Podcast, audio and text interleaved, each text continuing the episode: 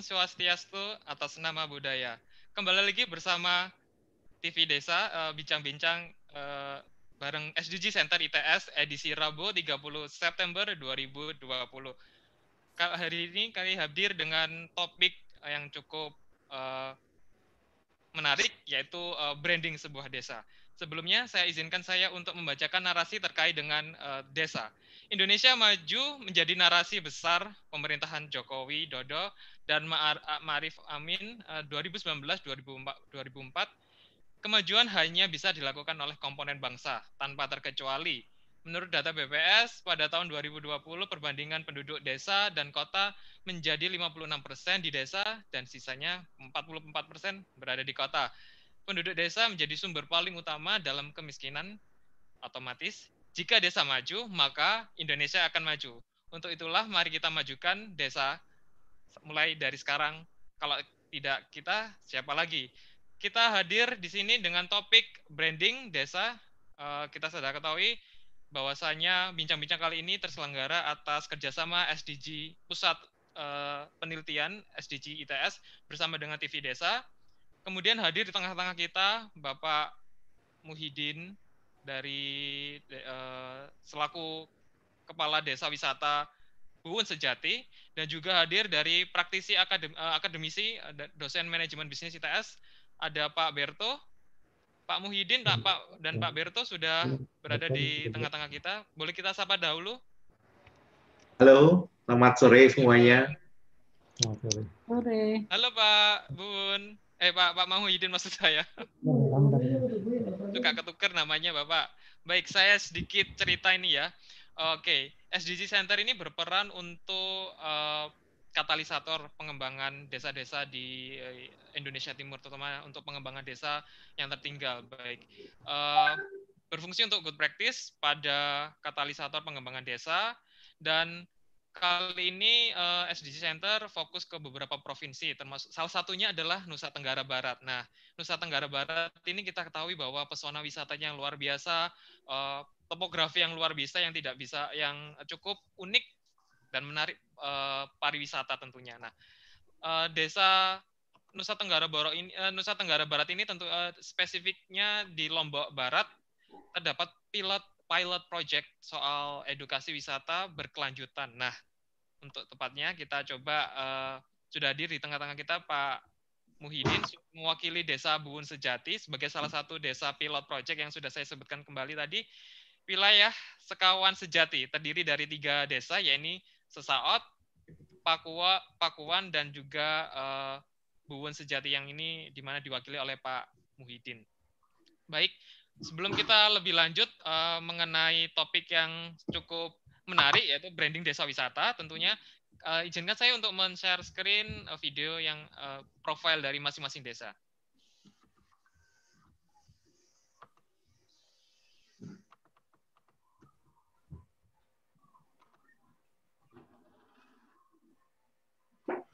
Yang mana, Lombok serpihan surga di timur Indonesia. Pulau yang terkenal dengan keelokan dan pesona alamnya yang luar biasa indah. Begitu juga dengan Desa Pakuan. Desa Pakuan adalah salah satu desa di Kecamatan Armada, Kabupaten Lombok Barat yang merupakan bagian dari kawasan wisata Sekawan Sejati.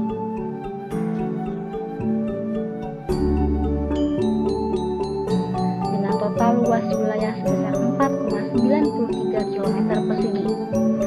Desa ini dihuni oleh sekitar 3.078 jiwa yang dikepalai oleh Kades Bapak Mardan Haris. Nama Pakuan sendiri diambil karena di desa ini banyak tumbuh tanaman paku atau pakis di hutan yang mengelilingi desa Pakuan. Pada zaman dahulu, desa Pakuan merupakan pintu masuk menuju Gunung Samalas, induk dari Gunung Rinjani. Sehingga Pakuan kaya akan sejarah geologi dan budaya. Desa Pakuan memiliki banyak potensi yang dapat dikembangkan. Beberapa di antaranya adalah potensi hutan kemasyarakatan dan perkebunan yang ditanami berbagai budidaya hasil hutan non kayu seperti pisang, coklat, kemiri, durian, alpukat, dan masih banyak yang lainnya. Potensi pertanian pun tersedia. Peternakan yang terdiri bebek, ikan, dan sapi, serta produk olahan seperti gula semut, keripik nangka, serta kerajinan tangan. Dan yang terakhir, ada potensi pariwisata. Didukung dengan bentang alam yang indah dan masih alami, Desa Pakuan memiliki beberapa destinasi wisata yang dapat menarik minat wisatawan.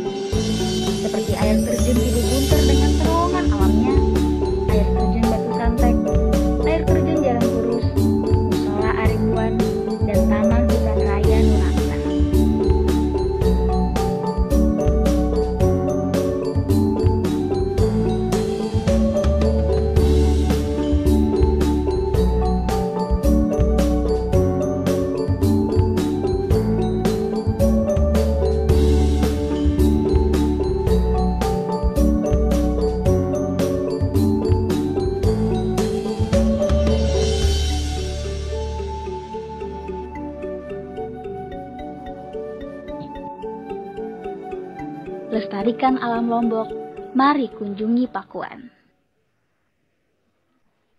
Luar biasa sekali. Lestarikan alam Lombok, kunjungi Desa Pakuan. Luar biasa sekali. Kita lanjut lagi, kita ada masih ada dua video lagi terkait dengan desa wisata. Tadi kita sudah menyimak dari video dari uh, Pakuan. Kemudian kita beralih ke tuan rumah, yaitu uh, Desa Buwon Sejati. Uh, sudah diwakili oleh Pak Muhyiddin saat ini di tengah-tengah kita. Izinkan saya untuk men-share uh, video profile dari Desa Buwon Sejati.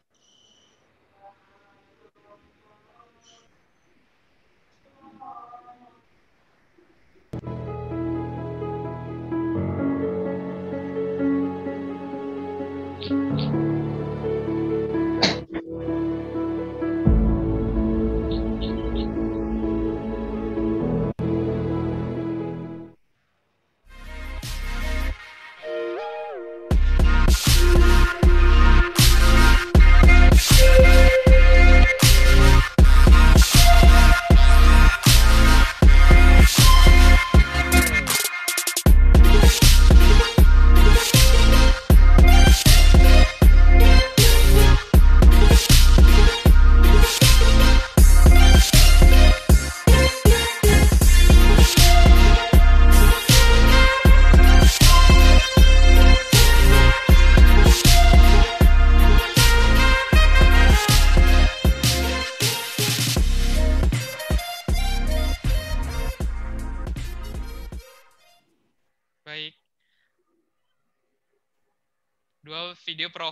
terkait dengan desa wisata yaitu Pakuan dan Buwon Sejati.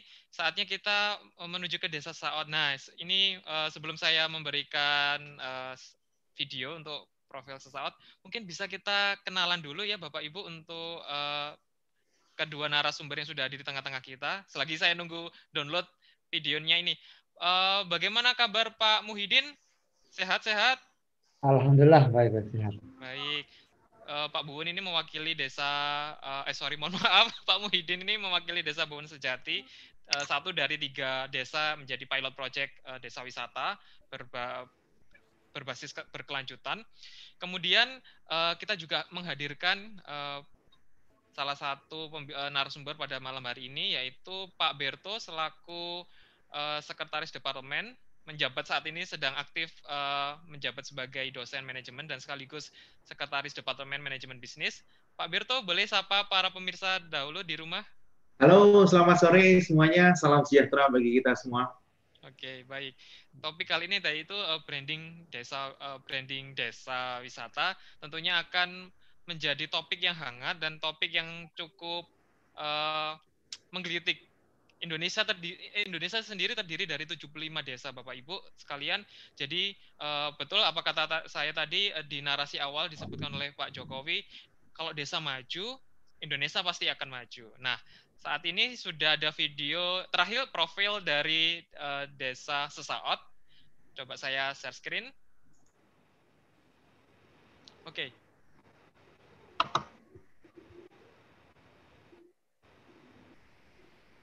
Desa Sesaot. Sini HP-nya.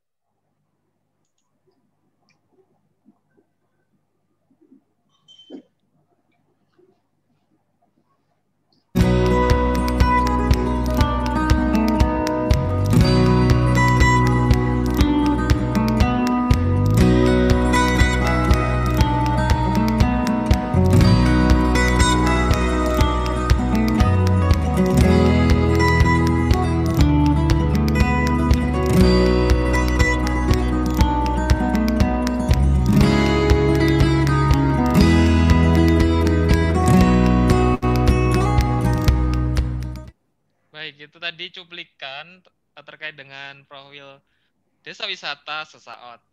Uh, baik, tanpa berpanjang lebar lagi uh, sudah di Pak Pak Muhyiddin. Pak Muhyiddin, uh, selanjutnya adalah sesi Pak Muhyiddin yaitu uh, terkait dengan promosi daerah wisata tentunya di Buwun Sejati. Bapak boleh dipersilakan untuk uh, menceritakan bagaimana Bapak membangun desa wisata ini, kemudian uh, membagikan kisah-kisah yang cukup bisa inspiratif bagi desa-desa yang lain bagaimana membangun menuju desa berkelanjutan tentunya di bidang wisata. Oke. Okay. Pak Muhyiddin, waktu dan tempat saya persilakan.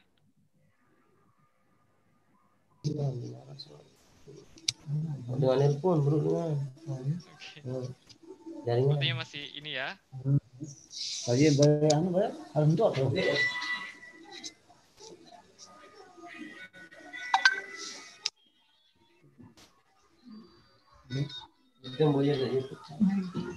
Halo. Halo Pak Muhyiddin. Oke, baik Bapak. Bisa diceritakan dulu bagaimana Bapak memimpin desa wisata selaku kepala desa gitu ya. Bapak bagaimana uh, membangun uh, desa di Bumun Sejati? Ya, baiklah. Assalamualaikum warahmatullahi wabarakatuh. Selamat malam, salam sejahtera untuk kita semua. Sahabat TV Desa yang berbahagia. Ya, jadi saya adalah kepala desa Bumun Sejati Kecamatan Narmada, Kabupaten Nias Barat, NTB. Yang mana malam ini ingin memaparkan tentang kondisi atau keberadaan daripada desa kami, Desa Punsati.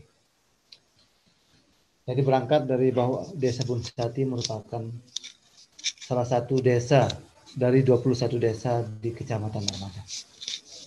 Yang mana Desa Bunsati adalah Desa Pemekaran tahun 2011 yang mana induknya adalah Desa Sawat. Dan alhamdulillah dengan kondisi potensi alam yang begitu luas sehingga Desa Busati bisa dijadikan sebagai salah satu pilot project wisata untuk Kabupaten Lombok Barat.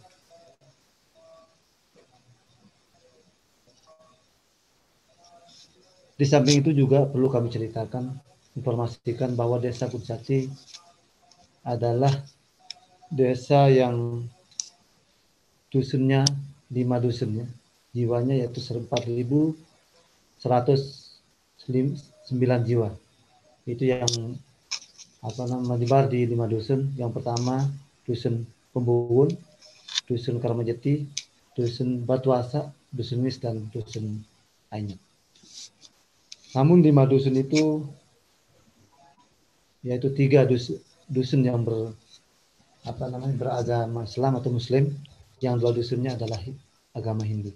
Dan alhamdulillah walaupun demikian eh, kedua agama atau keyakinan ini selalu berdampingan, bahkan saling toleransi, saling menghargai dan menghormati. Nah ini yang kami untuk desa selalu apa mempertahankan hal itu, karena ini sejak nenek moyang selalu apa namanya saling bahu membahu kedua etnis ataupun suku itu sehingga alhamdulillah sampai saat ini eh, apa namanya ketika ada acara-acara pun juga selalu saling mengundang kedua kedua apa namanya agama nah ini sehingga pemerintah desa setiap tahun selalu mengadakan ataupun menganggarkan untuk program sebuah kerukunan yaitu sejenis seminar dan penyuluhan terkait dengan apa namanya kerukunan antar umat beragama. Yang tujuannya adalah bagaimana supaya keduanya selalu rukun, damai. Karena saya yakin bahwa kemajuan sebuah desa tidak tidak lepas daripada kedamaian masyarakatnya. Nah ini yang perlu kami garis bawahi. Sehingga kami selalu meningkatkan, mempertahankan hal itu. Nah di samping itu juga perlu kami sampaikan bahwa desa Burjati itu dengan potensi alam yang begitu luas sehingga di situ kalau kita lihat bahwa masing-masing dusun itu punya ciri khas wisata. Mulai dari dusun pembuwun. Itu dusun dusun, pembuwun itu bisa dijadikan sebagai wisata religi. Karena apa? Karena di situ ada pondok pesantren dan lain sebagainya. Nah kemudian ada nama dusun Karamajeti, yaitu dusun yang masyarakatnya lah agama Hindu. Nah itu ada terdapat kesenian-kesenian di situ, seperti tari yang namanya apa namanya Bali Ganjur dan sebagainya. Itu kita bisa jadikan sebagai wisata budaya kan. Nah itu. Nah kemudian Batu Asa, nah ini yang yang apa namanya yang ada di apa film video tadi itu ada wisata alam yaitu namanya Tibu Atas. Di mana Tibu Atas ini adalah merupakan eh, air terjun dengan penataan batu yang begitu indah, ya, begitu rapi, air yang dingin dan pan, panorama yang begitu menakjubkan, ya, sehingga banyak pengunjung yang ke sana gitu di Tibu Atas ini. Ini ada di dusun Batuasa. Nah lalu kemudian juga eh, selanjutnya dusun Ngis. Nah itu tidak jauh beda, hampir sama dengan dusun Karamjati, yang itu masyarakatnya yang apa namanya beragama Hindu. Di situ juga banyak apa namanya kesenian-kesenian tari dan sebagainya. Dan yang terakhir dusun Ainyet. Nah ini yang apa namanya eh, dusun Ainyet ini yang ada wisata alamnya yaitu wisata Ainyet. Nah di situ ada dua wisata. Yang pertama ada wisata Ainyet wisata alam Anyar dan kedua wisata Gunung Yangkang. Nah, namun Gunung Yangkang ini ada kendala kita di situ karena ini ibaratnya wisata musiman karena faktor air. Kalau musim kering ataupun kemarau maka airnya surut atau kering. Nah, ini ini ini kalau yang di Gunung Yangkang. Namun walaupun demikian banyak pengunjung yang mendatangi setiap apa namanya minggunya bahkan harinya di situ. Nah ini apa namanya eh, wisata-wisata yang sudah ada Bahkan kami pemerintah desa ada dua titik yang kita jadi pengembangan untuk jadikan destinasi wisata. Ada di situ sumber air geluhan. Nah itu kalau kita jadikan sebagai wisata ya, objek wisata itu sangat apa namanya sangat positif sekali di situ. Kalau kita seperti kita bendung air itu lalu kemudian kita buat kolam renang dan lain sebagainya itu sangat apa namanya menjanjikan Nah, cuman apa namanya tentu sekali kendala kita adalah bagaimana penataan. Tidak lepas daripada apa namanya eh, modal di situ. Nah, ini. nah jadi eh, terkait dengan itu memang apa namanya eh, dari sekian banyak wisata itu memang di situ ada beberapa kendala yang kami hadapi. Yang pertama yaitu pertama mengenai manajemen pengelola karena kami sadari bahwa pengelola wisata itu apa namanya SDM-nya masih kelas menengah ke bawah sehingga berimbas pada pengelolaannya yang kurang begitu apa namanya ya, maksimal gitu. Nah kemudian kedua yang jadi tantangan terbesar itu setiap wisata adalah eh, tentang sampah. Nah jadi sampah ini memang ada dua di situ, ada sampah organik dan non organik. Dan alhamdulillah kami pemerintah desa sudah membuat lembaga yang namanya bank sampah. Nah bank sampah ini yang apa namanya mengakomodir sampah-sampah yang sifatnya eh, non organik ya non organik seperti halnya plastik itu yang bisa bernilai yang dijual seperti botol dan sebagainya di samping itu juga ibu-ibu PKK ya ibu tim penggerak PKK desa itu sudah membuat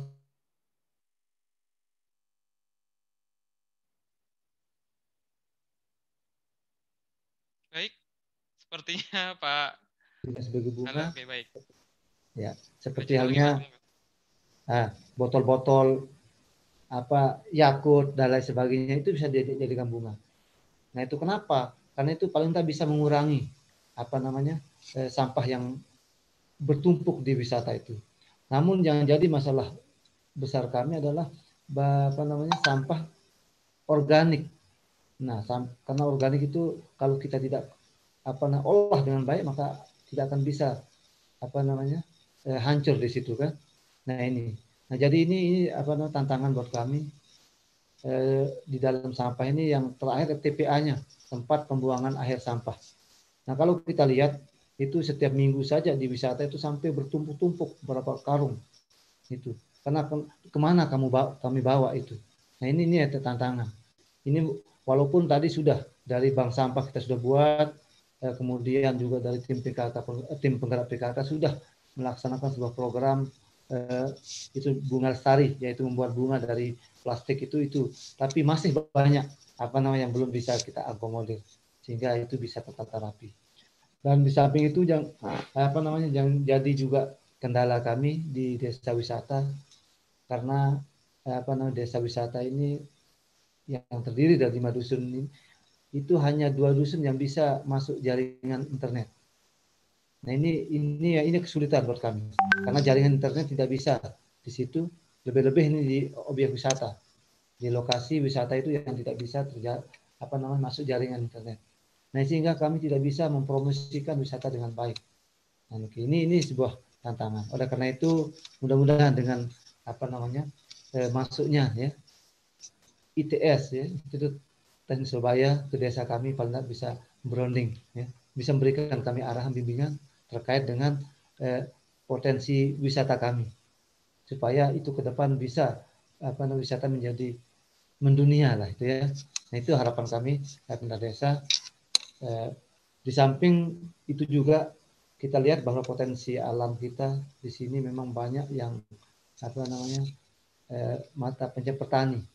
Nah itu bisa kita jadikan sebagai wisata agrowisata karena pendapatan atau penghasilan warga kami memang yang dari petani banyak baik itu dari apa namanya eh, kultural ataupun apa namanya eh, dari hasil kebun maupun sawah itu banyak. Nah ini yang kadang pengolahannya yang menjadi kesulitan buat masyarakat kami. Seperti, seperti contoh seperti halnya musim buah-buahan kalau di sini kan seperti rambutan, manggis, durian dan sebagainya. Nanti ketika itu musim itu karena tidak bisa diolah selain daripada hanya dijual saja. Kalau sehingga nilai nilai jualnya sangat rendah kalau pas musim. Seperti halnya rambutan. Rambutan kalau pas musim saja itu hampir 3000 per kilo. Karena kawat 3000 per kilo. Nah, tapi kalau ada apa namanya eh, cara kita untuk mengolah hasil itu supaya awet ya ataupun pengawetan itu paling tidak penilaiannya akan tinggi. Tapi kalau hanya sebatas dijual, kekhawatiran para petani kalau terlambat dijual maka akan rusak apa busuk ataupun e, rusak buah itu. Sehingga mau tidak mau harus apa namanya penjualannya harus ekstra cepat. Itu kalau sudah merah apalagi hitam sudah tidak bisa tidak bisa dijual lagi. Nah ini ini ini kendala buat masyarakat kami karena itu mungkin ada solusi bagaimana supaya hasil pertanian masyarakat ini bisa apa namanya diolah dengan baik, bisa diproduksi supaya eh, hasilnya lebih meningkat dari yang sudah. Nah itu barangkali yang perlu kami sampaikan sekilas ya tentang apa keberadaan daripada desa kami. Demikian, terima kasih. Assalamualaikum warahmatullahi wabarakatuh.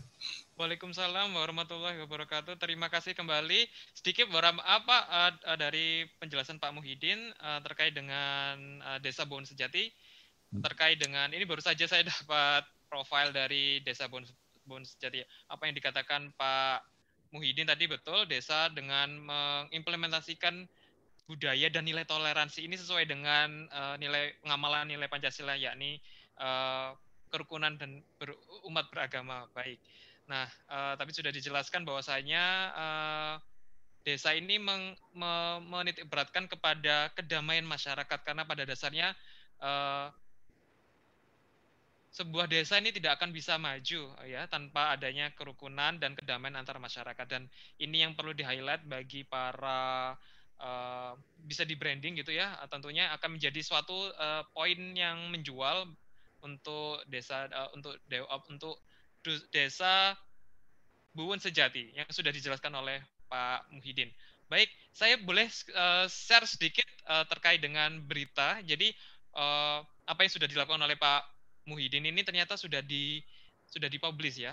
Boleh izinkan saya untuk share screen. Uh, saya dapat infonya ini dari uh, mahasiswa KKN. Jadi pada dasarnya uh, pengembangan uh, desa wisata ini tidak lepas dari intervensi ITS yaitu salah satu uh, puslit uh, SDG ITS yang uh, berfokus pada pengembangan desa pengembangan uh, berkelanjutan terutama di Indonesia Timur salah satunya dari Nusa Tenggara Barat. Baik, coba saya izin uh, berita tadi yang terkait dengan uh, desa wisata Bun Sejati, keindahan alam dan budaya berbarut nilai toleransi di Lombok Barat. Bisa dibawa, uh, bisa dilihat bahwasanya ini sudah di, menjadi masuk di salah satu kanal berita kata news.com yang sudah di uh, yang sudah dipublish 30 September 2020 yang apa pun yang sudah dijelaskan sama Pak Bun Sejati adalah memang dalam bentuk uh, pengembangan desa wisata yang berkelanjutan tentunya. Yang salah satunya adalah dengan menyebarkan tentang nilai toleransi dan budaya. Baik, uh, tadi sudah sesi dari Pak Muhyiddin mengenai profil uh, desa Bun Sejati.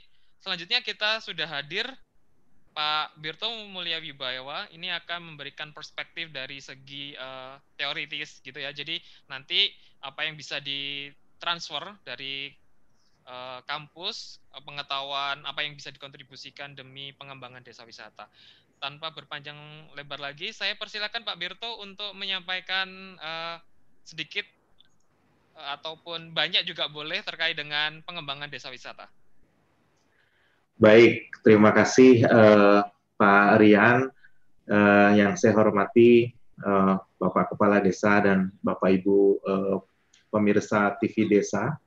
Uh, izinkan saya untuk memaparkan di sini sedikit ya mengenai uh, pentingnya branding dan bagi peningkatan citra dan ekonomi uh, suatu desa dari perspektif uh, akademisi dan juga gabungan dengan perspektif praktis gitu. Nah, jadi uh, Bapak Ibu sekalian, di sini ada sedikit uh, quotes yang menyatakan bahwa sebagus apa pun potensi dan produk desa, jika tidak dikenal oleh pasar dan masyarakat luas, maka dipastikan akan kurang berkontribusi terhadap pendapatan desa dan juga ekonomi uh, masyarakat. Nah, jadi di sini kita ada kata kunci. Yang pertama itu adalah uh, dikenal, dan yang kedua adalah berkontribusi, yang ketiga adalah pendapatan. Nah, jadi memang kenapa di sini perlu yang namanya branding suatu desa, karena tujuannya itu ya tiga. Yang pertama adalah supaya dikenal, dikenal dalam arti yang positif. Yang kedua adalah agar dapat berkontribusi. Yang ketiga agar dapat meningkatkan pendapatan uh, desa ya dan juga ekonomi masyarakat. Nah, kalau kita uh, kaitkan di sini dengan yang namanya dasar-dasar pemasaran ya, Bapak Ibu. Jadi ilustrasi konsep sederhana. Jadi di sini sebutkan bahwa produk yang sukses itu ya, Bapak Ibu, adalah produk yang laku di pasaran. Jadi kalau produk yang nggak laku, sebagus apa pun itu, seinovatif apa pun itu, kalau ya belum laku di pasaran ya berarti belum sukses. Kemudian yang kedua ya, kalau kita menganalogikan tempat wisata nih. Tempat wisata yang menarik adalah tentu tempat wisata yang banyak dikunjungi oleh wisatawan. Kenapa banyak dikunjungi? Karena dengan dikunjungi secara langsung nih ya khususnya ini ada kontribusi yang diberikan oleh wisatawan untuk mendukung pengembangan ekonomi masyarakat di sekitar. Nah, dan yang ketiga, kalau kita analogikan dengan desa, desa yang sukses dengan brandingnya itu adalah desa yang dikenal oleh banyak orang. Nah, ini jadi kuncinya dikenal, ya, dikenal. Nah, jadi kalau kita kaitkan apa itu brand atau merek, karena kita di sini membahas branding desa. Jadi banyak yang menyatakan bahwa merek itu adalah logo. Padahal itu adalah uh, definisi yang menurut saya sudah cukup kuno Nah, jadi suatu merek itu adalah apa yang dikatakan oleh seseorang dan apa yang dirasakan oleh seseorang. Nah, itu adalah konsep brand. Banyak uh, konsumen itu tahunya brand itu adalah logo. Tahunya brand itu adalah tagline. Padahal brand itu adalah lebih dari itu semua. Brand itu adalah persepsi. Apa yang dikatakan oleh orang lain dan apa yang dirasakan oleh orang lain. Contoh di sini, apa yang ada di pikiran Anda sekalian kalau mendengar atau melihat Pulau Bali? Pasti yang ada di pikiran uh, pemirsa sekalian di sini, ini adalah langsung kalau dengar kata Bali, yang ada di pikiran pasti liburan. Kemudian yang kedua itu adalah pantai. Yang ketiga adalah uh, banyak turis uh, mancanegara di sana. Kemudian banyak juga yang akan memikirkan wisata budaya yang sangat uh, menarik gitu kan. Jadi bahkan banyak orang-orang yang belum pernah datang ke Bali itu bisa menilai kalau Bali itu adalah tempat yang sangat menarik untuk dikunjungi. Itu orang yang belum pernah datang. Apalagi orang yang sudah pernah datang. Kalau kita lihat orang luar negeri di sana, ini Bali versus Indonesia ya. Kalau kita lihat perbandingan keywordnya, itu tentu sepertinya ya hipotesis kami ini orang akan lebih banyak mengenal Bali dibanding Indonesia. Artinya di sini brandingnya uh, sudah sangat sukses ya untuk Bali itu. Contoh lain di sini adalah kalau kaitkan kita kaitkan dengan produk. Nah di sini ada logo yang uh, orang-orang udah banyak familiar, Mercedes-Benz. Apa yang ada di pikiran orang-orang ketika mendengar kata Mercedes-Benz itu biasanya pada umumnya yang muncul adalah Mercedes-Benz yang ada di benak konsumen itu adalah mobil mewah. Atau yang ada di benak konsumen, mobil yang luxury, eksklusif, mahal. Bahkan orang-orang yang belum pernah naik mobil Mercedes, itu banyak juga yang setuju kalau Mercedes itu bagus dan juga mewah. Padahal itu dia belum pernah naik. Ya Bahkan menyentuh aja mobil Mercedes, itu belum pernah. Nah, artinya itulah yang ada yang namanya brand. Nah, jadi Bapak Ibu, di sini ada ilustrasi apa jadinya jika semua payung itu berwarna sama. Tidak ada sesuatu yang unik, tidak ada sesuatu yang menarik, maka semua akan terlihat biasa-biasa saja. Nah, brand itu lebih kepada bagaimana membedakan sesuatu dengan cara yang positif dan cara yang baik agar lebih dapat dikenal oleh eh, konsumen pentingnya branding ya kalau bagi suatu tempat kita mengenal istilah namanya place branding. Kalau dalam dunia marketing ada yang namanya product branding, ada yang namanya service branding, ada yang namanya uh, city branding ya atau place branding. Nah, kita di sini lebih spesifik lagi village branding. Mengapa suatu tempat perlu branding?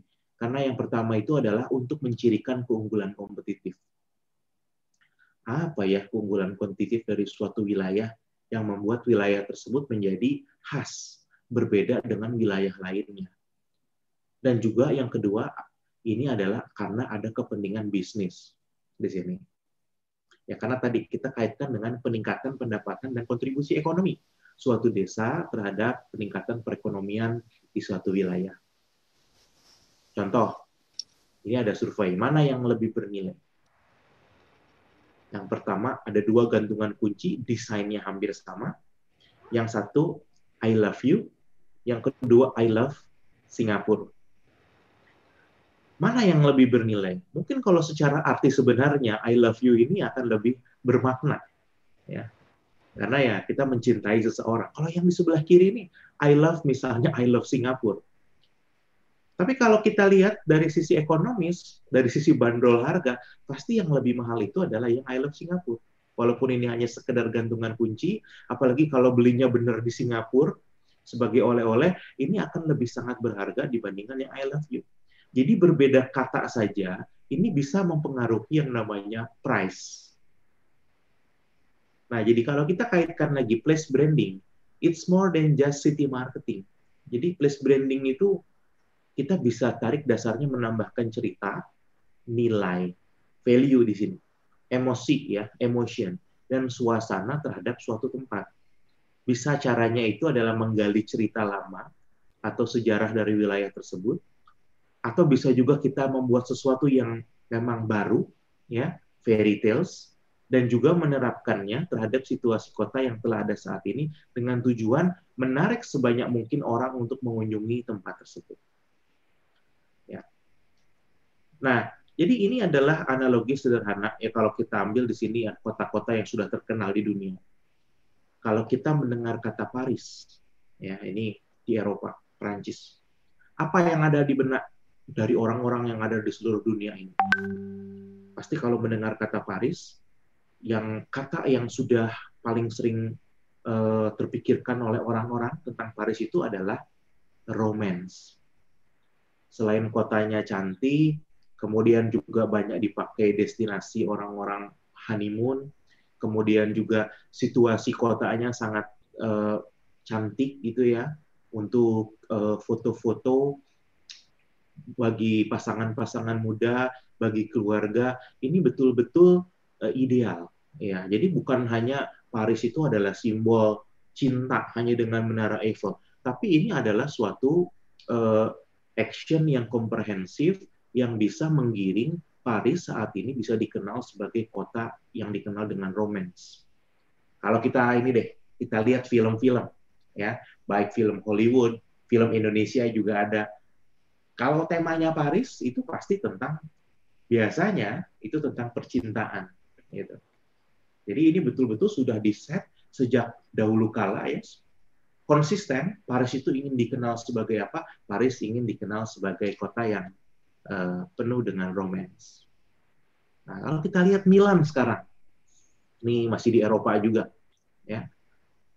Kalau kita dengar kata Milan, biasanya yang terpikirkan oleh orang-orang ya klub sepak bola ya, ya karena di sana ada markasnya Inter Milan dan juga AC Milan.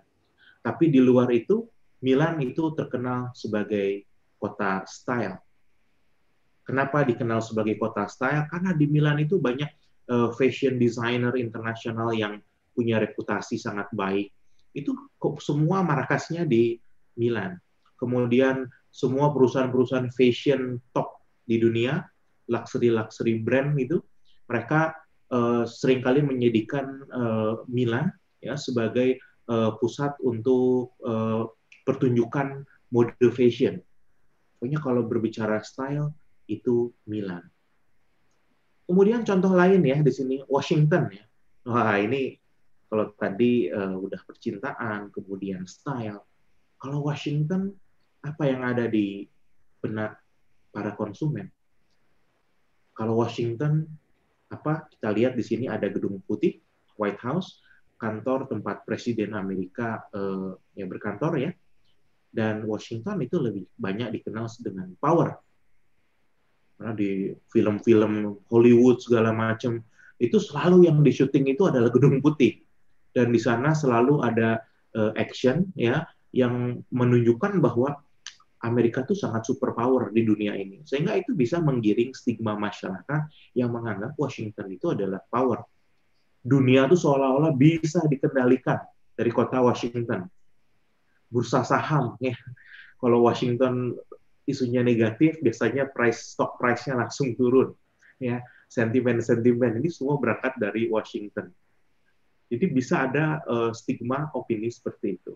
Tapi kalau ini kita banyak yang sudah kenal, kita ada bayangan.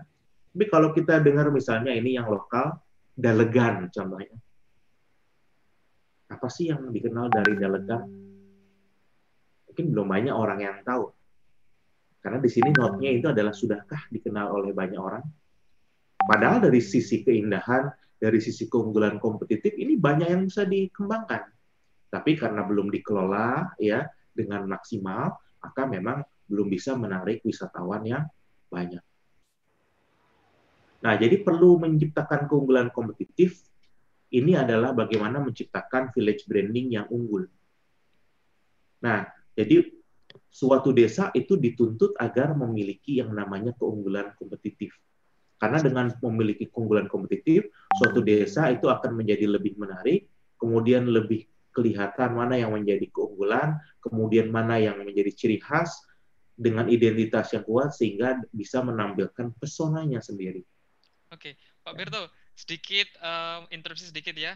Uh, kira-kira kalau menurut Pak Berto sendiri nih uh, untuk desa wisata yang sudah kita uh, diterangkan tadi ya oh, Pak uh, Pak Muhyiddin mengalami beberapa kendala gitu ya. Uh, yang bisa Bapak berikan tips-tips ini untuk membangun sebuah branding dari wisata. Tadi Pak Pak Berto kan menjelaskan dari segi beberapa kota maju nih. Nah, kira-kira kalau dari point of view-nya uh, Pak Berto bagaimana nih yang bisa dieksplor dari desa wisata Buun Sejati itu tadi? Ya, jadi ini pas banget ya. Jadi strategi okay. membangun branding desa uh, Pak Rian, ini memang tidak sekedar pemasaran atau penjualannya. Yang jelas di sini satu harus konsisten dulu nih, punya produk yang unik atau enggak gitu kan.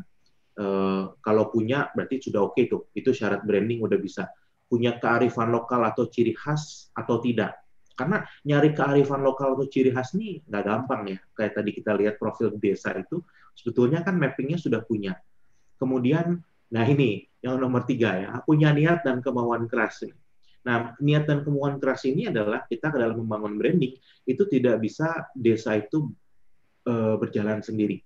Perlu uh, kolaborasi di sini. Saya menemukan konsepnya konsep A, B, C, G, M. Jadi A itu akademik, ya academician ya di sini kita dari ITS kemudian B-nya itu dari bisnis para pengusaha kemudian kerjasama dari pihak community ya C-nya community. Kemudian juga G-nya tentu ya government pemerintah dan juga di sini perlu peran media di sini. Nah semua ini harus bersinergi dulu.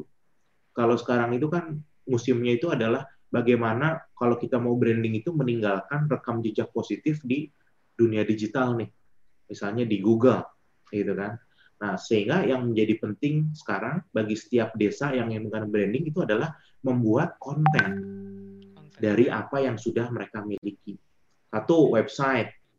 Nggak usah bagus-bagus, yang penting ada dulu. Menyatakan desa ini, desa apa, punya punya apa di sana. Sosmed, ya.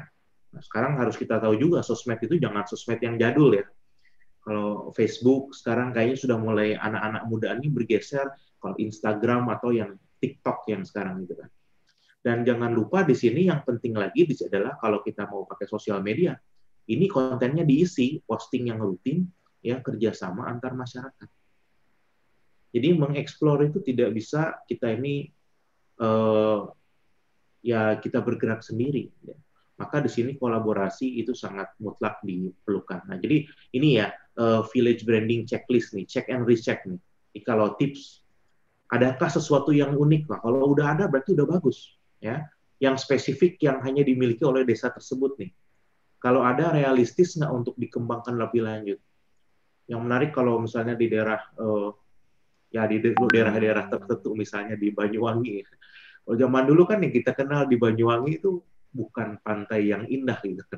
Tapi misalnya apa ya Black Magic ya, Pak Berto, boleh uh, sedikit menginstruksi ya. Jadi uh, nanti saya akan mencoba mengkoneksikan dengan Pak Muhyiddin. Nah, untuk Pak Muhyiddin, saya boleh kembali ke Pak Muhyiddin. Halo Pak Muhyiddin. Halo. Halo baik Bapak. Uh, Pak Berto boleh kembali ke slide atau ya. Tadi Bapak sudah menceritakan bahwasanya ada tips-tips yaitu me bagaimana membangun apa desa itu ya. Untuk dari Pak Muhyiddin boleh kasih contoh kiat-kiatnya apa sih Bapak yang sudah dilakukan terkait dengan apa yang disampaikan Pak Berto tadi, kemudian yang sudah dilakukan sama uh, Desa Buwun Sejati dalam rangka uh, supaya dikenal. Tadi kan salah satu syaratnya adalah branding ini bisa dikenal. Mau nggak Bapak bisa diberikan penjelasannya? Ya terima kasih Pak. Nah, jadi apa yang dipaparkan Pak Berto memang betul adanya dan kami Desa Buwun Sejati sudah mulai membangun seperti itu. Pertama sudah kita buat uh, website termasuk sudah kita buat lembaga PPID untuk apa dokumen itu yang tujuannya bagaimana untuk mempromosikan apa namanya desa. Okay. Nah ini yang baru-baru kita apa bentuk. Nah ini barangkali salah satu cara untuk bagaimana bisa mempromosikan desa. Karena desa tidak akan bisa dikenal kalau tidak dipromosikan kan. Betul, nah, betul. Mana potensi yang ada. Nah itu mungkin langkah awal kita. Seperti okay. tadi yaitu website yang kita buat dan juga itu lembaga PPID itu yang bertugas untuk mempromosikan desa. Di samping juga eh, kami berdesa ingin mencari apa namanya terobosan baru lah berkolaborasi dengan pihak terkait dalam rangka eh, mengembangkan potensi yang ada. Okay. Karena seperti yang saya bilang tadi, ya. Okay. Oke, tadi Pak Biro juga menyebutkan desa wisata ini nggak bisa berdiri sendiri, Bapak. Betul nggak? Jadi ada beberapa komponen yang salah satunya ya. adalah uh, uh, pemerintahan, kemudian ada juga komunitas. Jadi Bapak sendiri sudah menyebutkan bahwa komunitas. Dan terpenting tadi Pak Biro juga menyebutkan uh, media. Apakah sudah ada media yang sudah me melakukan kerjasama dengan Desa Bonsehati untuk agar namanya diangkat, Bapak?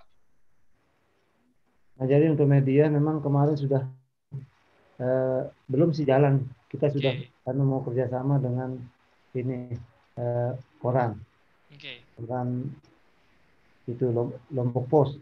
Oke. Nah, itu Nah.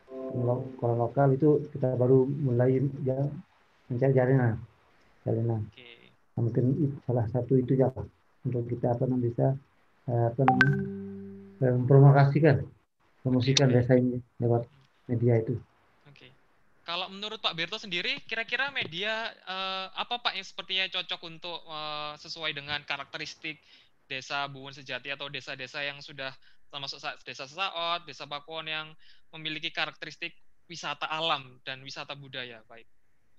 Kalau ini Pak, untuk di Desa Buwun Sejati sendiri, sekarang cukup banyak ya Pak turis mancanegara yang datang ya Pak ya. Betul, betul. Nah, itu Bagaimana kira- Pak? Pak, eh, oke, baik. Eh, coba saya konfirmasi kembali ke Pak eh, Muhyiddin. Sudah banyak mahasiswa asing ataupun Jadi- atau eh, pariwisata asing?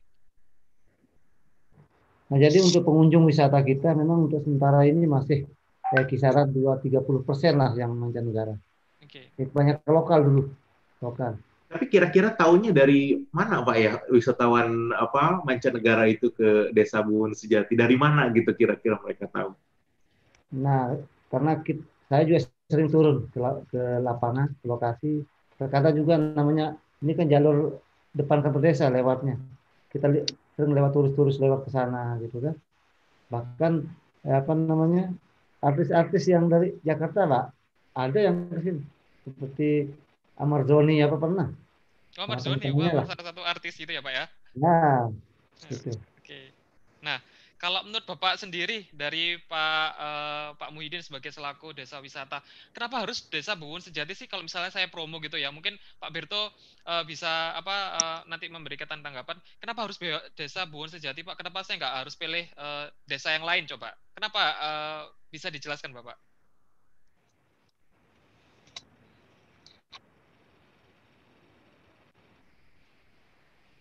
Halo Bapak, masih Halo?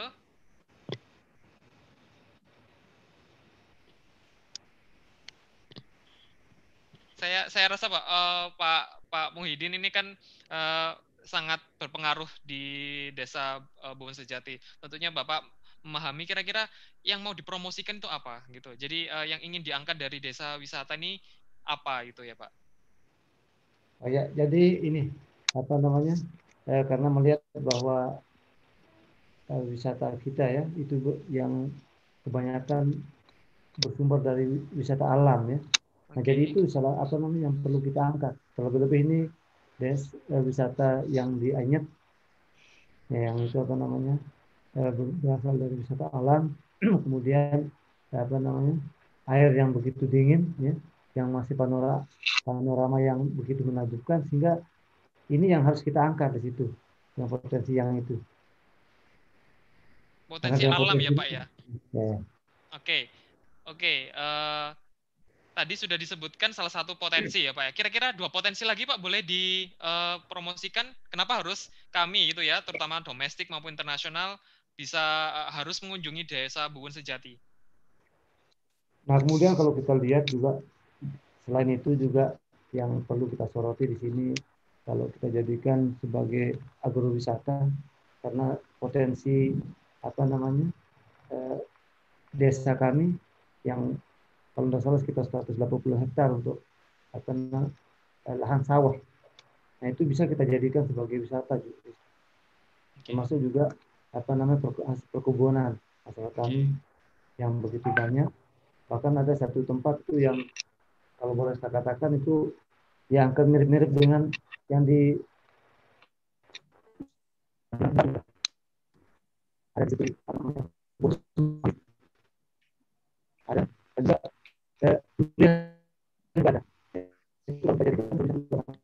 apa jadi menarik oke baik.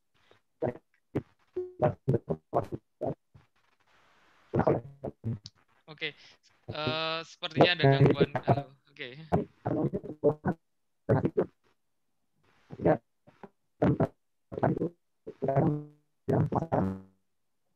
oke baik.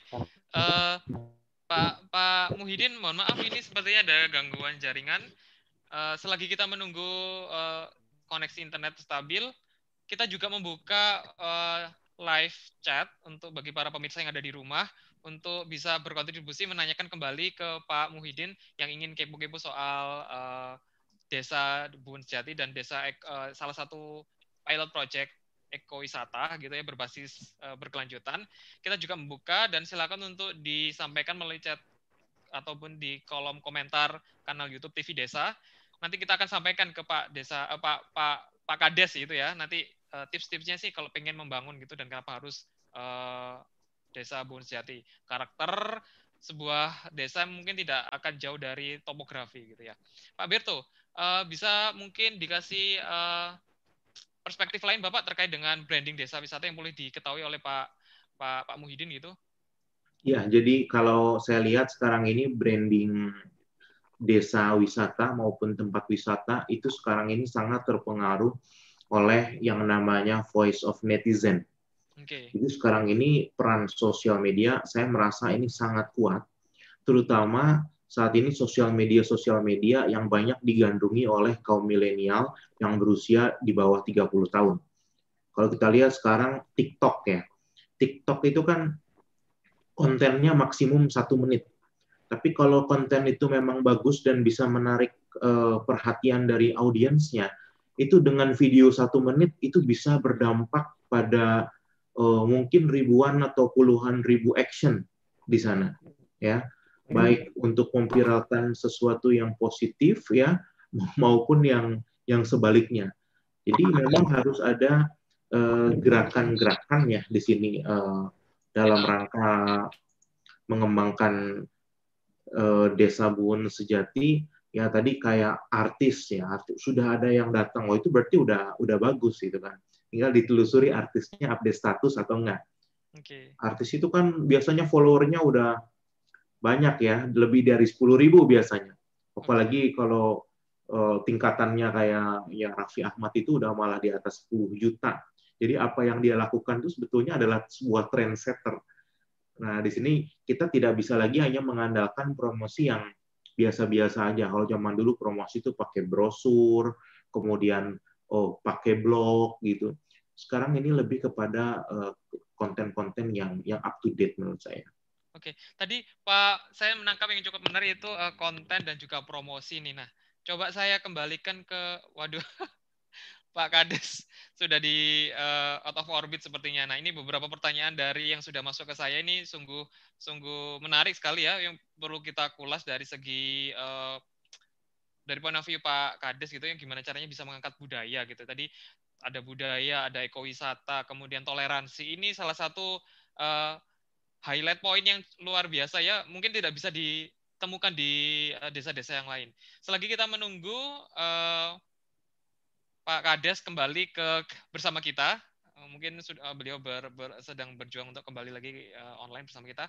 Mungkin Pak Berto bisa dilanjutkan terkait dengan uh, perspektif dari uh, akademisi. Apa yang perlu disampaikan? Apa yang perlu di highlight kembali selain konten, selain promosi dan juga uh, sosial media. Uh, ya, jadi di sini uh, yang tadi saya sampaikan ya bahwa uh, ada nggak aset itu yang dinilai paling berharga.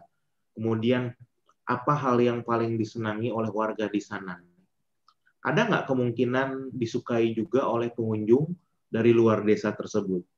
Kemudian jangan lupa ya kuliner. Ada nggak makanan favorit khas daerah? Apakah prospektif ya apabila dikomersialisasikan ke para turis. Jadi biasanya karena para turis itu kan kalau dia berkunjung ke suatu wilayah, dia itu agak toleransi lidahnya itu. Jadi mereka lebih banyak ingin mencoba apa yang khas dari daerah tersebut. Dan juga yang kelima, ada nggak ide untuk membangun sesuatu nih? Contoh ya, ikon, kemudian landmark yang bisa menarik kunjungan wisatawan. Nah, jadi jika minimal tiga pertanyaan ini dapat dijawab dengan alasan yang relevan, maka pembangunan branding desa itu sangat ideal untuk dilakukan. Nah, jadi pelan-pelan sebetulnya yang sekarang mulai perlu dilakukan oleh desa itu adalah uh, memaksimalkan terlebih dahulu konten-konten yang ada. Karena gini, misalnya sekarang kita pakai TikTok, TikTok tersebut viral, biasanya kan orang itu kepo tidak berhenti hanya di TikTok semata, tidak berhenti hanya di IG semata. Mereka langsung searching. Mereka langsung searching. Nah, sekarang apa yang terjadi kalau misalnya di TikTok udah viral, kemudian ketika di searching di Google nggak ada, pasti saya yakin jawabannya itu itu nggak jadi beli gitu kan. Decisionnya itu adalah no. Nah, sehingga di sini harus punya website. Ya. Jadi segala keunggulan dan potensi tadi itu dapat dikumpulkan sebagai media portofolio dan promosi. Karena zaman sekarang, ya Pak Rian, ini Hmm. zaman now ini zaman googling. Betul. 90% wisatawan ini pasti akan googling dulu sebelum mereka visit.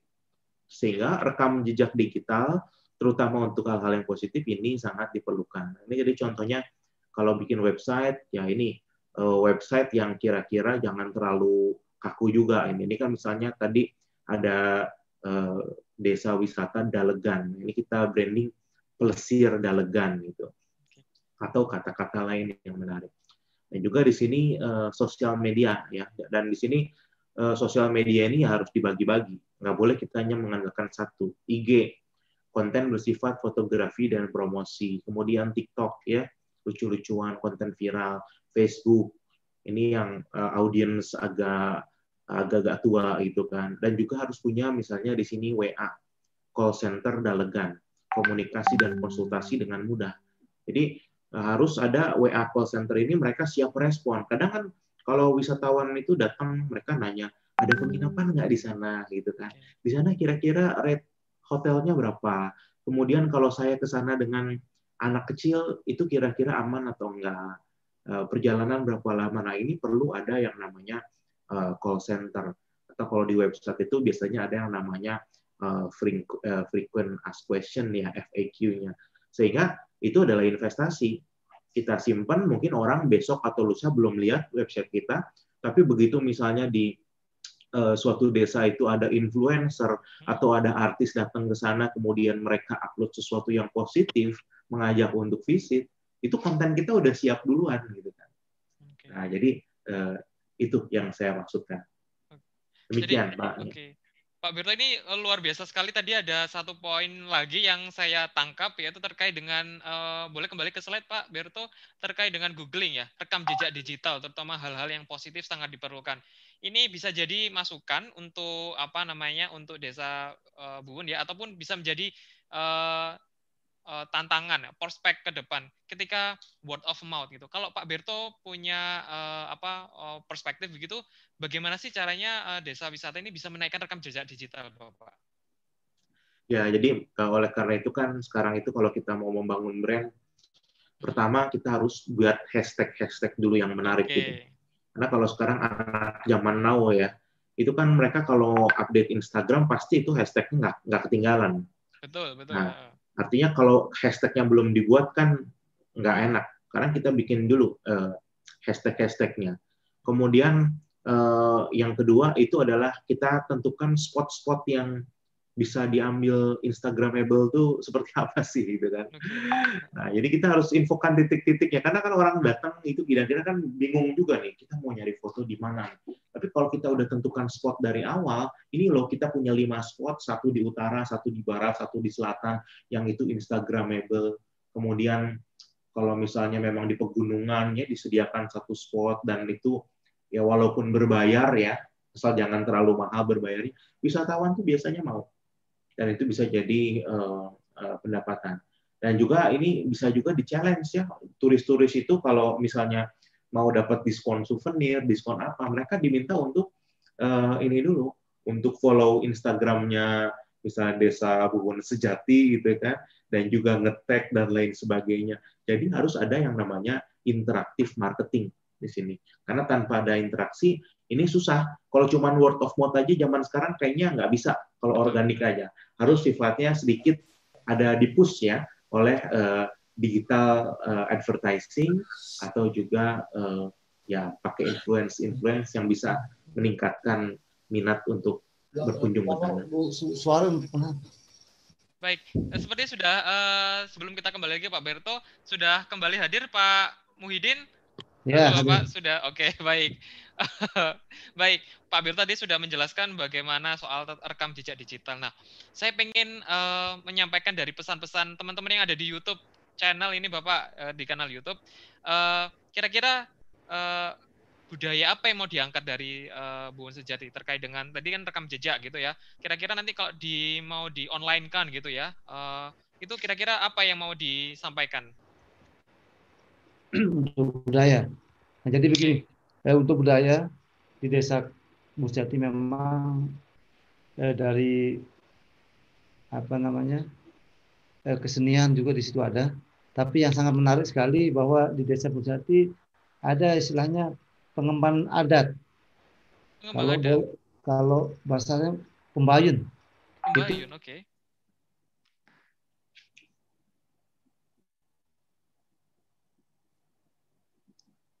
Oke, sepertinya terkendala jaringan kembali. Halo, halo Pak Muhyiddin. Oke, uh, mungkin saya bisa sedikit uh, apa merangkum dikit tadi apa yang oh, yang dikatakan oleh Pak eh, Muhyiddin yaitu terkait dengan kebudayaan. Jadi seperti yang sudah di sedikit tadi disampaikan oleh Pak Muhyiddin ya ini terkait dengan toleransi.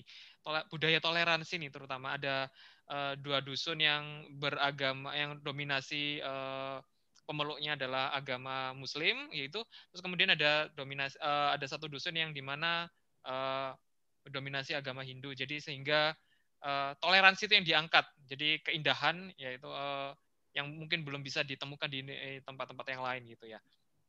Nah, kalau dari segi pendapat Pak Berto sambil kita menunggu Pak Muhyiddin kembali masuk ke tengah-tengah kita, uh, kiranya kalau dari kampus itu Bapak ya, uh, apa yang kira-kira yang bisa diberikan, dikontribusikan ke desa wisata? Jadi kalau dari gitu. sudut pandang akademisi biasanya kita uh, aktif ya memberikan ide kemudian memberikan masukan dari aspek-aspek yang saat ini tentunya sedang up to date dan juga digandrungi oleh banyak banyak orang gitu kan. Jadi kalau uh, misalnya membantu kontribusi de desa kita nih dari ITS ada sekarang namanya kuliah uh, kerja nyata KKN mahasiswa itu kita menerjunkan ya banyak selain ke ya desa-desa biasa, kemudian ada juga desa wisata. Nah, di sana mereka itu akan mengerjakan proyek-proyek yang betul-betul uh, learning by doing ya. Mereka tinggal di sana, kemudian mereka akan membantu menggali nilai-nilai desa tersebut sehingga itu bisa menjadi sebuah branding yang baik. Karena contohnya tadi saya memang juga agak kagum ya dengan uh, kerukunan, kemudian toleransi saya yakin itu kalau kita telusuri lebih jauh itu ini pasti ada nilai sejarahnya gitu kan. Kenapa ini kerukunan ini bisa terjadi, kemudian tingkat toleransinya itu sangat tinggi, dan ini bisa menjadi uh, sebetulnya pembelajaran juga ya, terutama bagi desa-desa yang masih sering terjadi konflik dan lain sebagainya. Jadi memang yang namanya keunggulan kompetitif itu tidak mesti tidak melulu harus sesuatu yang yang asyik, yang identik Betul. dengan uh harus kesenangan ya dunia fana gitu atau uh, eh, happy happy, tapi juga ada banyak tema-tema yang bisa kita angkat. Yang jelas dari sudut pandang akademisi itu yang namanya branding bagi suatu tempat itu tidak bisa dipaksa tidak bisa dipaksakan Betul. dan tidak bisa juga ya. dimanipulasi terlalu terlalu jauh gitu kan. Okay. Kalau kita nilainya sudah kota religi ya kembangkanlah kota religi tersebut. Jangan pengen kita ini tidak fokus. Akhirnya pengen kota religi juga digabung dengan kota entertainment, digabung juga dengan kota uh, budaya, ini malah jadi tidak fokus. Okay. Jadi branding itu tentu bukan untuk semua orang ya. Betul. Nggak palu gada ya Pak ya. Apa yang yes. lu mau yang gue ada. Oke. okay. Karena dari branding itu kan ada yang namanya customer segment ya kalau dalam bisnis model. Nah itu yang kita kita fokus pada apa yang kita kembangkan supaya dapat diterima dengan target audiens yang mau kita tuju gitu. Begitu. Oke, terkait dengan uh, segmentasi tadi uh, sepertinya sudah uh, apa namanya sudah banyak sekali uh, apa namanya uh, potensi-potensi yang disebutkan tadi ya uh, segmen, terkait dengan segmen otomatis uh, menuju ke satu uh, segmentasi terkhusus gitu ya. Nah, kalau ngomong-ngomong soal uh, keterkaitan kampus gitu ya soal dengan transfer knowledge Pak Bertos uh, sendiri sebagai uh, akademisi dari Institut Teknologi 10 November. Nah, harapannya nih saya mau tanya ke Pak Muhyiddin gitu ya, harapannya uh, interferensi dari kampus-kampus terutama yang sudah join banyak sudah interferensi terhadap pengembangan desa wisata yaitu ITS melalui pusat uh, penelitian SDG Center. Uh, harapannya Pak Buwon apa sih terhadap ITS gitu Bapak? Jadi harapan kami dengan apa namanya ya bersinergi dengan ITS ini kita harapkan supaya apa yang jadi apa namanya kendala tantangan itu bisa apa namanya eh, ada solusi lah untuk memberikan branding.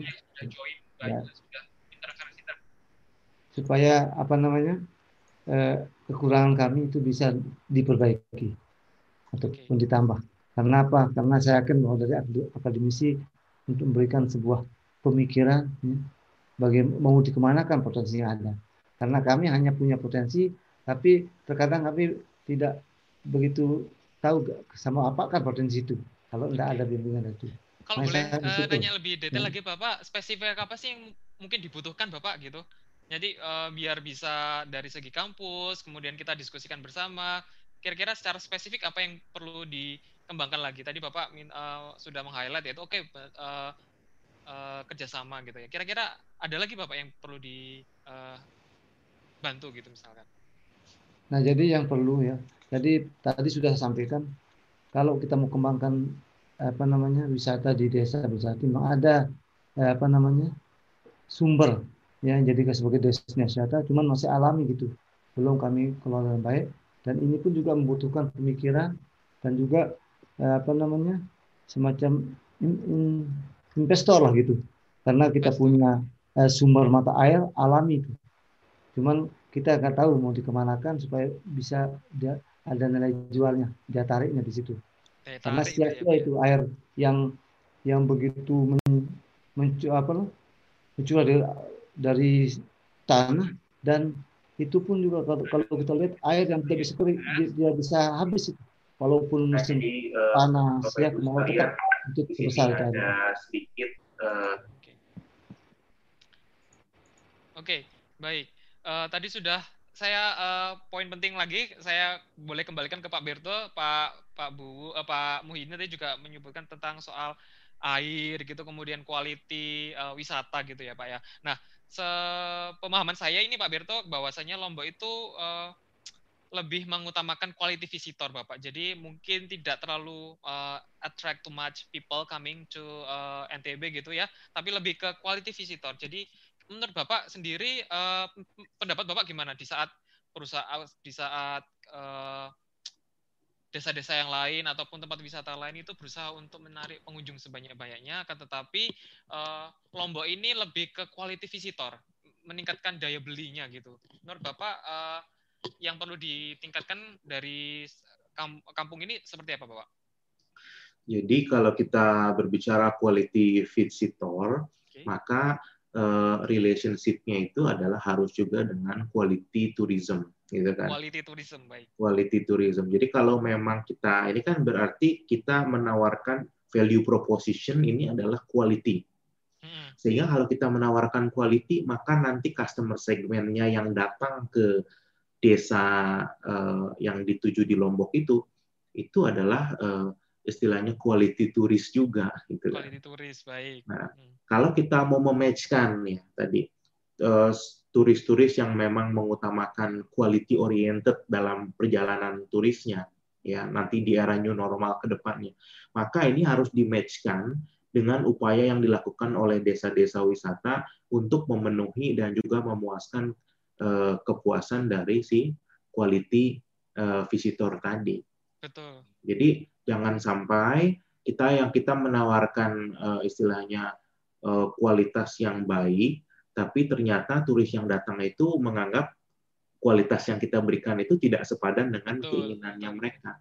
Maka dari itu di beberapa tempat wisata, kalau kita bisa lihat ada tempat wisata tuh yang memang disetting sangat mahal gitu kan. Betul. Contoh Private kalau gitu ya Pak ya kalau di Maldives gitu kan. Hmm, ya memang itu bukan untuk semua orang, tapi Betul. pelayanannya memang sebanding gitu. Jadi harga itu harus sebanding dengan apa yang dirasakan oleh uh, turis supaya supaya apa? Supaya tercipta respons dan juga uh, perasaan-perasaan positif yang mereka itu nanti bisa menggunakan metode word of mouth-nya gitu kan. Yuk datang ke Lombok. Itu saya yakin sangat ampuh. Tapi once mereka kecewa, itu impact-nya juga luar biasa. Mereka akan sangat vokal menyuarakan ketidakpuasan kalau mereka uh, istilahnya tidak istilahnya kecewa karena dalam dunia marketing itu tidak boleh kita nih namanya over promise ya dan juga under deliver. Jadi kita tuh jangan berjanji terlalu tinggi tapi dalam pelaksanaannya under deliver sehingga yang tadinya customer fit itu tidak bisa uh, terbentuk gitu ya. Gitu. Boleh. Jadi uh, luar biasa. Quality visitor uh, associate dengan quality tourism. Jadi penyedia uh, pelaku usaha betul begitu ya di desa itu harus juga menaikkan uh, standar untuk wisata gitu ya. Jadi uh, betul apa yang dikatakan sama saya sedikit mengkoneksikan apa yang diharapannya dari Pak Muhyiddin tadi soal terkait dengan pengembangan de, uh, desa wisata. Harapannya ya ini terkait dengan pengembangan oleh investor. Nah, terkait dengan quality tourism tentunya tidak pernah lepas dari eh, komponen-komponen pendukung ya Pak, Pak tadi sudah bilang uh, community, pemerintah, kemudian media dan juga adalah investor. Nah, investor ini akan mendukung sebuah quality tourism yang akan diberikan dan uh, sehingga ekspektasinya nanti segmentasinya sudah terfokus gitu ya Pak. Nah, uh, terakhir sebelum kita oke, okay. ya Ibu saya boleh tanya nggak? Oh, sangat diperbolehkan Ibu. Mungkin kita masih ada 15 menit untuk uh, sesi tanya jawab yang kita buka untuk uh, halayak umum. Silakan. Sudah join ya. Pak Bu Pak Muhyiddin. Baik. Ada dua pertanyaan saya. Yang satu ada dua Pak Rian pertanyaan saya. Yang satu untuk Pak uh, Kepala Desa. Okay. Pak Pak Muhyiddin ya. Yang satu lagi untuk Pak Berto. Jadi begini, menurut pandangan saya nih, Eh, kita tidak bisa berharap terlalu apa itu eh, besar untuk desa yang tadi di Sekawan Sejati itu untuk dijadikan destinasi wisata dari eh, katakan skalanya nasional gitu. Sepertinya belum. Ya, sepertinya belum ke sana. Yang datang siapa? Yang datang itu orang-orang sekitarnya. Paling orang Mataram, kemudian pokoknya orangnya seputaran Lombok gitu karena uh, mereka mungkin uh, kalau yang yang dari apa itu namanya yang misalnya dari Jawa mengkhususkan diri datang ke uh, sekawan sejati tadi ya kebun sejati atau ke Pakuan atau ke Sesawat barangkali itu belum bisa dijadikan destinasi utamanya ya nah itu nah sekarang uh, karena kira-kira ini kira-kira ini ini kan, kan saya kira-kira Pak Berto okay. Jadi kira-kira kalau segmennya seperti itu, berarti kan segmennya itu anak-anak muda katakan yang berada di seputaran Lombok saja. Akhirnya kan kita udah jelas nih siapa segmennya. Nah kira-kira harus bagaimana kalau seperti itu gitu. Sehingga setidaknya Desa Buun Sejati itu uh, setidaknya itu sudah disukai oleh orang lokal dulu. Jadi kalau pun misalnya mau di branding ya brandingnya untuk orang lokal. Kemudian uh, servicesnya misalnya ya services yang cocok untuk orang lokal. Pikiran saya kok begitu dulu ya. Setelah itu baru nanti diviralkan, baru akan menjadi daya tarik yang untuk orang-orang yang menyeberang ya mungkin dari Bali, dari Jawa gitu-gitu ya. Pikiran saya seperti itu. Nah, kira-kira untuk untuk bisa nge-match-kan antara potensi dengan uh, segmen tadi itu harus bagaimana buun sejati itu di uh, apa itu namanya dibangun gitu ya harus kayaknya bentuknya tuh kayak apa sih gitu okay. jadi uh, teknis saja supaya nanti Pak Kepala Desa itu langsung bisa praktek gitu ya harus diapakan gitu nah kemudian pertanyaan saya kepada Pak Kepala Desa ini kalau misalnya desa ini dikembangkan ya sebetulnya eh, dari sisi potensi alamnya sudah sangat luar biasa. Dan sebetulnya masyarakatnya itu ada loh, yang bisa membangun itu ada. Artinya tenaga kerjanya itu ada. Ya, kemudian uangnya, uangnya juga ada. Kenapa kok ada? Ada dana desa. Berarti kan ada uangnya, ya kan? Kemudian program dari Pemda, eh, apalagi sudah dicanangkan menjadi kawasan wisata sekawan sejati, berarti kan menjadi program utama untuk Lombok Barat. Okay. Nah, harusnya ada dialokasikan uang ke sana. Nah, lalu sebetulnya apa sih yang jadi kendala utama gitu ya? Kok sampai sampai sekarang tuh uh, belum gitu ya? Nah ini juga sekaligus mungkin Pak Berto bisa memberikan jawaban. Kira-kira bagaimana mengatasi kendala-kendala yang dihadapi oleh Pak Kepala Desa ini? Oke, baik. Uh, mungkin uh, saya kembali saya terima dulu dua pertanyaan dari Bu Agnes Rumiati sebelum kita nanti ada pertanyaan lebih lanjut. Baik, tadi saya sudah menyimpan satu pertanyaan untuk Pak Berto yaitu terkait dengan teknis matching segmentasi Bapak. Bagaimana uh, tanggapan dari Pak Berto? Ya, jadi terima kasih atas pertanyaannya. Nah, ini memang yang pertama harus divalidasi itu adalah apakah benar gitu kan buun sejati itu untuk wilayah sekitar saja gitu. Karena kalau pengalaman saya itu banyak objek wisata itu yang yang anti klimaks gitu antara warganya sendiri dengan warganya warga yang jauh berada jauh di sana gitu. Jadi oleh warga sekitar itu dianggap remeh, tapi dianggap oleh warga yang datang jauh dari lokasi itu itu menjadi sangat sangat bagus gitu kan. Nah, jadi di sini yang pertama perlu dilakukan itu adalah sebetulnya identifikasi dulu. Betul nggak eh, apa yang dimiliki oleh Desa Buwun Sejati itu disukai juga dengan masyarakat atau wisatawan yang sekitar Lombok gitu. Kalau memang itu sudah dilakukan, kalau memang itu sudah diidentifikasi dan jawabannya itu adalah ya memang kira-kira itu bagus, nah maka pengembangan brandingnya itu bisa mulai dari ya tadi inner circle dulu. Kita bikin roadmap nih, ya jadi misalnya dua tahun pertama itu kita fokus pengembangan ke masyarakat yang ada di Pulau Lombok. Jadi kita betul-betul fokus ya untuk wilayah sekitar Lombok dulu. Tapi kita harus punya juga cita-citanya karena kenapa? Kalau wisatawan itu kan marketnya sangat luas gitu kan, siapa pun bisa datang ke sana. Nah, bagaimana nanti di, di, di new normal ini kita prediksi bahwa orang-orang yang akan datang ke Lombok ini kan semakin banyak. Apalagi 2021 itu udah ada MotoGP juga gitu kan yang akan dilakukan di wilayah Lombok. Nah, gimana caranya orang-orang turis luar negeri itu bisa kita mampirkan di desa-desa yang ada di Lombok tadi? Paketnya tuh paket visit desa gitu. Dan mereka itu pasti senang nih kalau kalau kalau kalau bayangan saya. Nah, dibikin paket desanya mau apa nih? Misalnya desanya desa religi, oke kita kumpulkan desa religi. Atau mau desanya desa yang pinggir-pinggir pantai atau desa yang pemulihan pasca bencana gitu kan. Jadi kita memang perlu bikin paket itu dan itu nggak bisa dibuatnya uh, sendiri menurut saya. Dan mudah-mudahan nanti situasi new normal itu bisa kembali lagi turis berdatangan. Nah ini turis yang berdatangan ini jangan sampai gili terawangan lagi, gili terawangan lagi.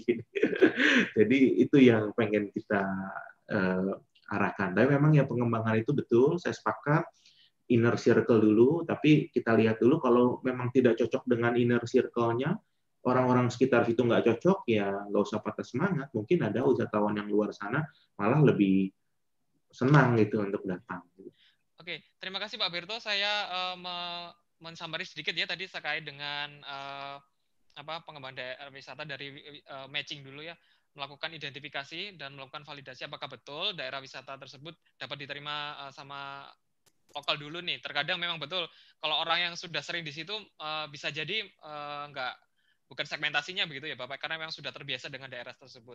Dan yang kedua adalah membuat paket-paket wisata. Ini saya rasa uh, bisa jadi alternatif dan juga uh, jujukan karena tadi sudah diterangkan oleh Pak Muhyiddin uh, bahwasanya ada beberapa dusun-dusun gitu ya, ada paket wisata-wisata yang sebetulnya sudah tersebar di, di beberapa uh, tempat di Kesekawan Sejati begitu. Nah, uh, itu yang bisa saya sampaikan dari Pak Berto. Kemudian pertanyaan kedua, Pak Muhyiddin masih stay di sini? Halo Pak Muhyiddin? Halo. halo. Oke.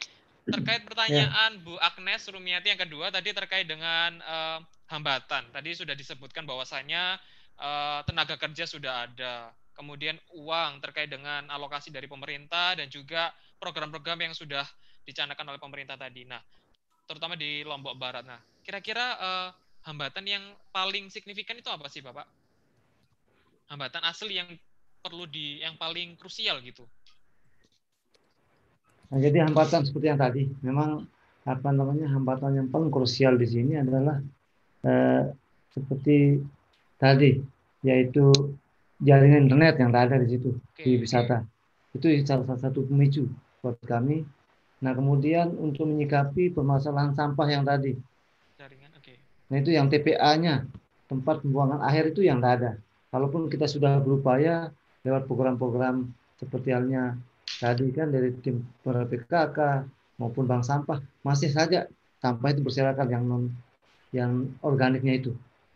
Kalau yang non organik masih bisa, tapi itu tuh sebagian. Seperti halnya ya apa namanya plastik yang model bungkus mie apa itu nggak bisa kita olah itu. Yang bisa kita olah adalah ini yang model botol-botol itu. Nah ini tantangan buat kami. Nah kalau terkait dengan apa yang disampaikan Ibu Agnes, memang betul dari pemerintah juga eh, selalu memberikan program, termasuk kami juga dengan eh, buat bumdes desa itu bisa kita alokasikan dan desa itu lewat bumdes untuk pengembangan. Tapi kalau seperti tadi karena potensi kita yang masih alami, yang tentu sekali membutuhkan dana besar, Bu. Nah, terkadang kita tidak cukup kalau kita anggarkan andalkan dana desa tanpa kita melibatkan investor luar lah untuk bagaimana menanam saham di potensi kita itu. Itu itu barangkali Bu. Oke, baik.